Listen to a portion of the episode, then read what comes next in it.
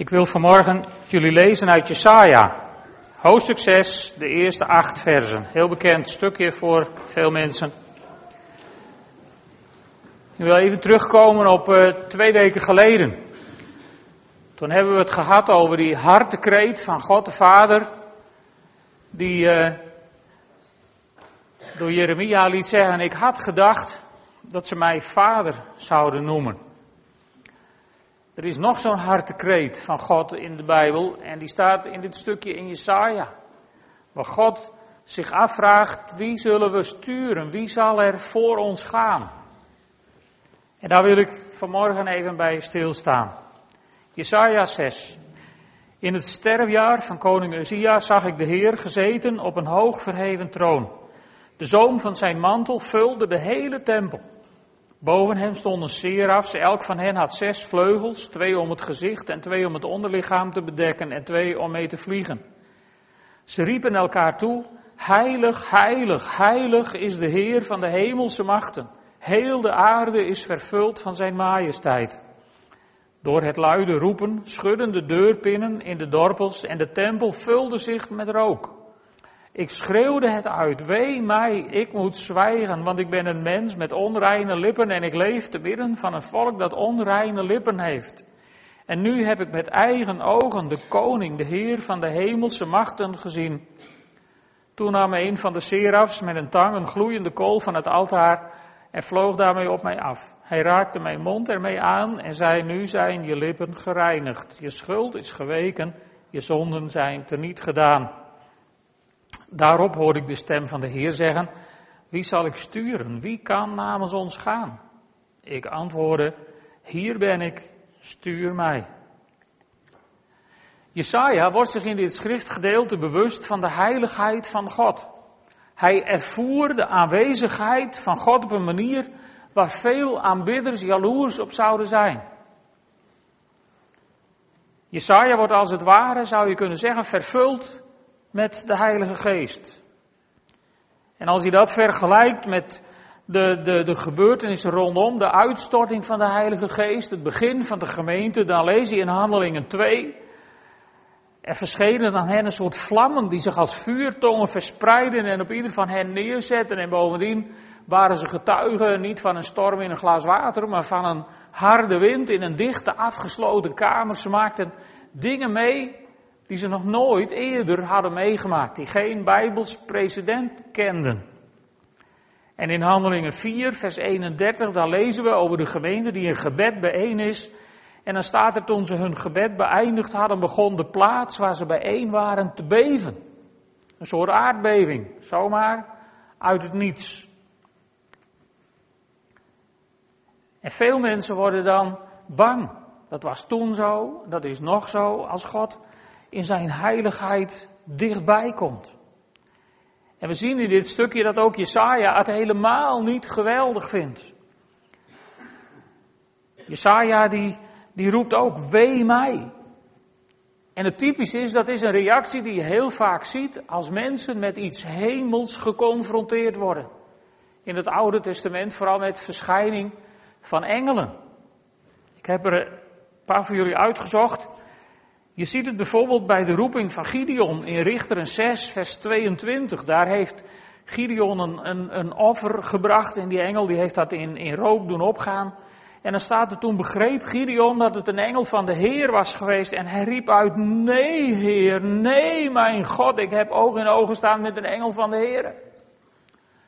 Eigenlijk riep hij ook wee mij, een beetje in de stijl van wat Jesaja riep.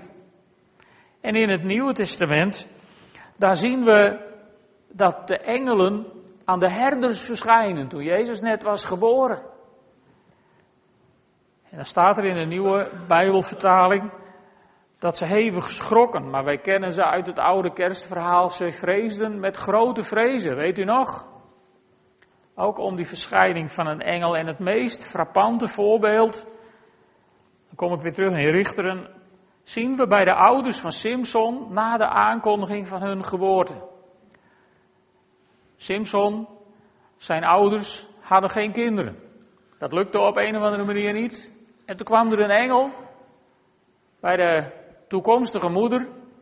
En die gaf haar het woord van God dat ze een zoon zou krijgen. Maar haar man geloofde daar niks van en die zei, pas als ik zelf ook die engel zie. Dat moet je niet te hard roepen, want even later komt die engel terwijl ze samen zijn. En daar gebeurt iets soortgelijks als in het verhaal bij Gideon. En eh, daar moet je eens opletten. Nu besefte Manoach, dat was de aanstaande vader, nu besefte Manoach dat het een engel van de Heer was geweest. Hij zei tegen zijn vrouw, we hebben God gezien, dat wordt onze dood. Maar vrouwen zijn over het algemeen wat slimmer. Zeker op geestelijk terrein. En, uh, en wat zegt zij tegen hem? Zij zegt tegen hem, zijn vrouw antwoordde, staat er, als God ons had willen doden, had hij vast ons offer niet aanvaard en ons niet laten zien wat we nu hebben gezien. En dan had hij ons daarnet zeker niet zulke beloftes gedaan. Ik bedoel, als God je komt vertellen, als stel dat je een kind gaat krijgen, dan is het een beetje een domme reactie van, oh, nu gaan we dood. Dode mensen krijgen geen kinderen. Dus dat gaat niet samen. En zij had dat door. Maar het is typisch voor de reactie van mensen op de heiligheid van God. Want door, die, door het zien van die heiligheid van God, word je je bewust van je eigen staat, je eigen situatie. Onrein van lippen, noemt Jesaja het. Als je jezelf voor het eerst ziet door Gods ogen, zonder de verlossingskracht van Jezus bloed te kennen, is dat een normale reactie. Ik zou het zo willen zeggen, heiliging zonder verlossing geeft angst. Maar God als Vader kennen geeft feest, hoe je jezelf ook bekijkt. Zolang je maar niet komt van nou Heer, hier ben ik weer. Treft u het even dat ik er ben? Want God treft het helemaal niet dat jij er bent. Jij treft het dat God er is en dat Hij God deze wereld zo lief had dat Hij zijn enige zoon gestuurd heeft, opdat wij eeuwig leven kunnen hebben. Wij zijn degene die het treffen. En het past ons om bij God te komen zoals de verloren zoon uit Lucas 15. Daar hebben we twee weken geleden bij stilgestaan bij dat verhaal en ik kom daar even op terug. In vers 21, daar komt die zoon thuis bij de vader en dan zegt hij, vader, ik heb gezondigd tegen de hemel en tegen u, ik ben het niet meer waard uw zoon genoemd te worden. Maar de vader zei tegen zijn knechten, hè, niet tegen, hij reageert helemaal niet op die zoon, hij zegt tegen zijn knechten, haal vlug het mooiste gewaad, trek het hem aan, doe hem een ring aan zijn vinger, geef hem sandalen, breng het gemeste kalf en slacht het, laten we eten en feest vieren. Want deze zoon van mij was dood en is weer levend geworden. Hij was verloren en is teruggevonden en ze begonnen feest te vieren. Deze jongen die komt bij God, zich bewust van de heiligheid van God, of hij komt bij zijn vader, zich bewust van de positie van zijn vader en zich bewust van de staat van zijn eigen leven.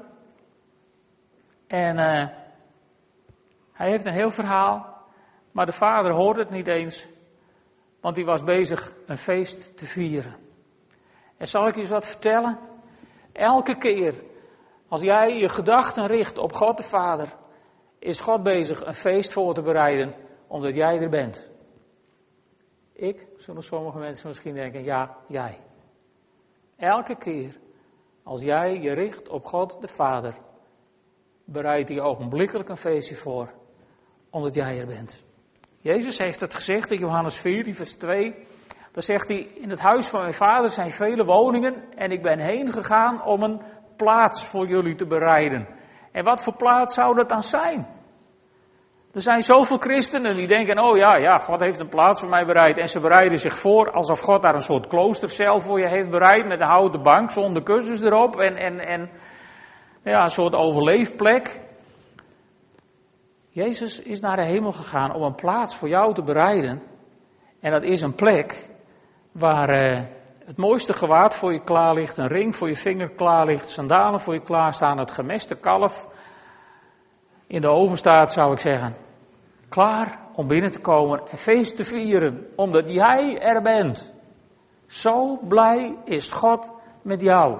Ook voor de mensen die dit horen voor de radio, misschien komt u wel nooit in een kerk, maar God is zo blij met jou. Op het moment dat je je richt tot God de Vader. En hoe ging dat bij Jesaja? Hoe gaat het ook vaak bij ons? Wel, Jesaja wordt zich naast zijn eigen toestand ook bewust van de toestand van het volk. Want ook dat volk is onrein van lippen, zegt hij. En, en weet je, met dat laatste hebben wij vaak minder moeite dan met het eerste. Veel gehoorde uitspraak in veel, veel kerken is zolang dit of dat niet in orde is, kan God onder ons niks doen. Oh nee? Is God niet almachtig? Is jouw God niet almachtig dan? Die, die van mij wel. Die, die heeft daar geen problemen mee. Dat is ook gewoon niet waar. Dat is je verstoppen achter de onvolmaaktheid van de gemeente. Welke gemeente het dan ook is, dat maakt me niet uit. Maar je, zolang je je verstopt achter de onvolmaaktheid van de gemeente, dan ben je misschien op zoek naar de volmaakte gemeente. Nou, dan heb ik een ontzettend teleurstellende boodschap voor je vanmorgen. Die bestaat niet. En mocht die al bestaan, dan is het over zodra jij daar binnen loopt. Of ik daar binnen loop. Er zijn geen volmaakte gemeentes. Dus je kunt je wel verstoppen achter de onvolmaaktheid van de gemeente. Maar dan zul je nooit een plek vinden waar je je thuis gaat voelen. Weet je, Jesaja verstopt zich niet. Hij erkent dat bij hem en bij het volk dingen niet in orde zijn. En let dan eens op de reactie van God. Is de onreinheid van het volk zo belangrijk dat God dat aanpakt? Nee. God stuurt een engel om de persoon Jesaja te heiligen. En dat volk, dat laat hij voorlopig even voor wat het is. En Jezus Christus is ook niet naar deze wereld gekomen om gemeentes te verlossen, maar om mensen te verlossen die ja durven te zeggen tegen Jezus. Het gaat dus om jou persoonlijk.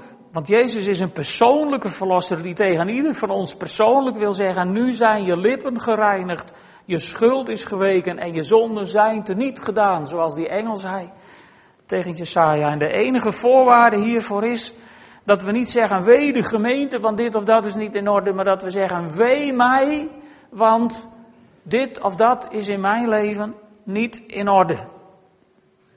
Ik roddel maar een eind weg, of ik heb alleen maar kritiek, of ik zou veel liever in de kroeg zitten dan hier in de kerk, of ik hou mijn mond stijf dicht als de naam van God door het slijk wordt gehaald bij mij op het werk, op school, in de buurt, wherever. Er zijn zoveel van die dingen waar, waar wij moeten veranderen. En weet je, als ik verander, of als u verandert, verandert de gemeente. Andersom werkt het niet. Het begint bij onszelf. En God kijkt ook naar, naar de persoon. Naar de persoon. En het past ons om bij God te komen en te zeggen: Heer, ook ik ben lang niet volmaakt. Eigenlijk, als je het, het op de keper beschouwt, Heere God, ben ik helemaal niet waard om een kind van u te zijn. Want ik kom uit de prut van de onreinheid voort. Maar Jezus Christus heeft geleden aan het kruis. En hij heeft ons door zijn bloed gereinigd van al onze zonden. En daarom is die onreinheid van ons weggedaan.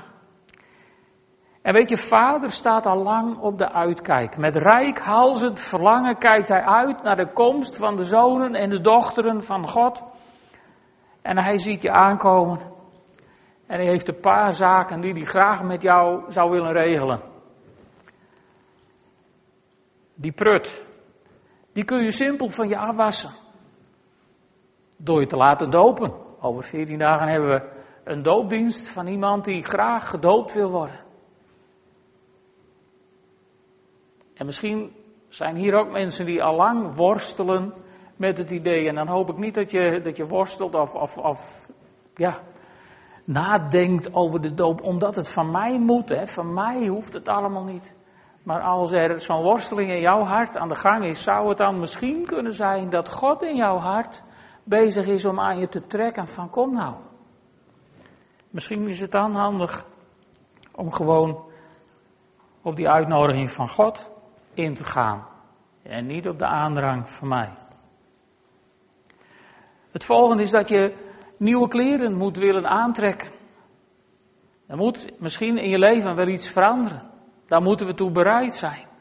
En we moeten die ring aan willen doen die God ons aanreikt. Waarvoor kreeg deze jongste zoon toen hij thuis kwam een ring aan zijn vinger? Omdat de vader hem in zijn autoriteit herstelde. Hij werd weer zoon van de vader. Met die ring kon hij, kon hij weer zaken doen. Hè? Kon hij zijn stempel in de lak zetten, zodat hij weer geautoriseerd was om namens de vader zijn dingen te doen. Dat kreeg hij zomaar met één terug. Hij hoefde geen examen te doen, hij hoefde niet zware toetsen af te gaan, hij hoefde eerst ook niet allerhande strafexercities te ondergaan. Hij werd door de vader in ere hersteld en weer op zijn plek gezet. Zomaar. En die ring, die autoriteit van God, die moet je aandurven te trekken. Je moet durven te leven in de autoriteit van God. Durf een feest te vieren in plaats van altijd alleen maar je juk op je te nemen. Maar de vader heeft één probleem. In Romeinen 8, vers 19, daar staat de schepping ziet er rijkhalzend naar uit dat openbaar wordt wie Gods kinderen zijn. Dan zien ze zo rijkhalzend eruit dat ze er giraffennekken van krijgen. En dan komt God en die vraagt zich af, wie zal ik sturen? Wie zal namens ons gaan? En dan komt Jesaja. En die zegt, hier, hier ben ik. Stuur, mij maar. En ik denk dat hij dat niet met veel bravoure heeft geroepen, maar dat hij dat heel schoorvoetend heeft gezegd, wetende van, hé hey, ja, maar ik weet niet of ik het allemaal wel kan. God wist wel dat hij het niet kon, maar daarvoor had hij hem juist uitgezocht zodat God het door hem heen zou kunnen doen. Misschien zegt God ook wel tegen jou van, wie zal ik sturen? Wie zal er voor ons gaan? En misschien is er in jouw hart ook wel die stille neiging om heel bescheiden te zeggen, Heer, hier ben ik. Stuur mij maar. En dan hoef je niet bang te zijn dat God je op een expeditie stuurt waar je in omkomt.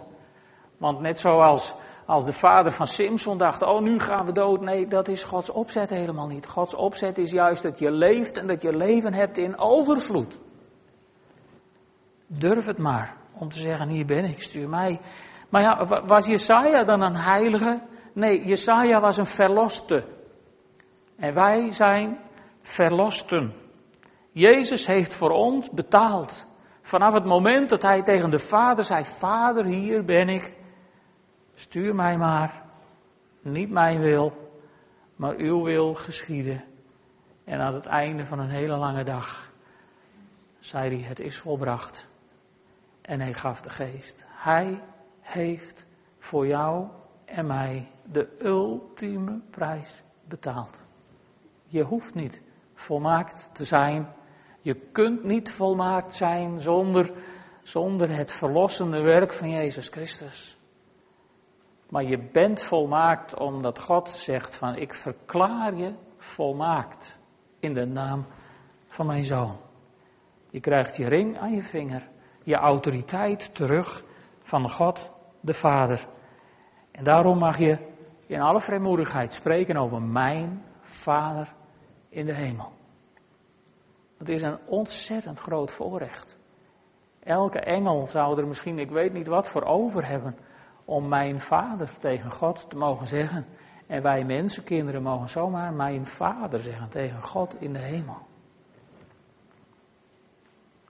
En ik hoop dat je daar in het avondmaal ook bij stil zult durven te staan. Dat je, dat je niet ver uit de buurt blijft, maar dat je durft te zeggen bij het avondmaal zo meteen, Vader, hier ben ik. Ik geloof dat dit ook voor mij is. En als er voor mensen gebeden wordt achterin en je hebt iets op je hart, je hebt een nood of iets waar je gebed voor wilt, dat je ook in vrijmoedigheid komt. Vader, ik geloof dat uw genezende kracht, dat uw bemoediging, dat uw steun ook voor mij is. En ik kom het in ontvangst nemen van u. Echt niet van de mensen die daar staan te bidden, want als het aan ons, van ons zou afhangen, dan, dan kon hij veel beter niet komen. En als u tijdens het bidden gewoon hier in de zaal zit, dan, eh, dan hebt u misschien de afgelopen maanden wel eens wat het gevoel gehad dat het wat passief aan het worden was. We zullen vanaf vandaag de liederen weer projecteren. En dan, dan kun je, wat mij betreft, meelezen met de teksten. Je mag heel zachtjes meezingen. Ik zou het prachtig vinden als jullie allemaal uit volle borst gingen meezingen, maar dan hebben wij achter weer een probleem, want dan kunnen we helemaal niet meer communiceren met de mensen die er voorkomen voor gebed. Dus we moeten wat rekening houden met elkaar. En gedurende dat kwartier, zeg maar, dat we zo voor mensen bidden, zou ik je willen vragen, ondersteun ons biddend, aanbiddend. Ondersteun ons voor de troon van de Vader. Het is zo belangrijk om als gemeente eenparig je te verenigen. Al biddend en avondmaal vierend. En mensen zegenend als een eenheid. En dan mag je zomaar komen en zeggen: Vader, dank u wel dat dit ook voor mij is. Weet je, veel mensen vinden dat te simpel, te goedkoop. Een engel met een gloeiende kool die je lippen even schroeide, dat zou voor veel mensen veel acceptabeler zijn dan zomaar dit aanbod van Jezus Christus om te komen.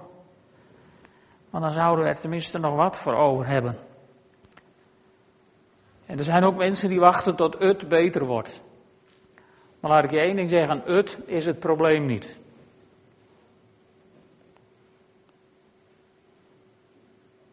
En ondertussen vraagt de vader maar, wie zal ik toch sturen? Wie kan er namens ons gaan? Wel, verlost door Jezus bloed. Mag u zeggen, vader, hier ben ik. Stuur mij maar. Zullen we samen een moment bidden? Mag ik jullie vragen op te staan? Vader in de hemel, dank u wel dat u uw zoon naar deze wereld stuurde. Dat u de ultieme prijs voor onze verlossing hebt betaald. Heren, dat, dat we niet geschroeid hoeven te worden met kolen, maar dat we ons mogen beroepen op het bloed van uw Zoon, Jezus Christus. Dat we dat ook deze ochtend mogen doen. En ik bid u, Heere God, als we straks avondmaal vieren, wilt u dan zelf aanwezig zijn in deze symbolen van brood en wijn? Wilt u onze harten verkwikken? En als we voor mensen bidden, Heere God, wilt u mensen bemoedigen, vertroosten, genezen. Want u bent en u blijft onze geneesheer. Vader in de hemel, daar dank ik u voor. En, en zo in die dank wil ik ook het brood en de wijn zegenen in de naam van de Vader en de Zoon en de Heilige Geest. Amen.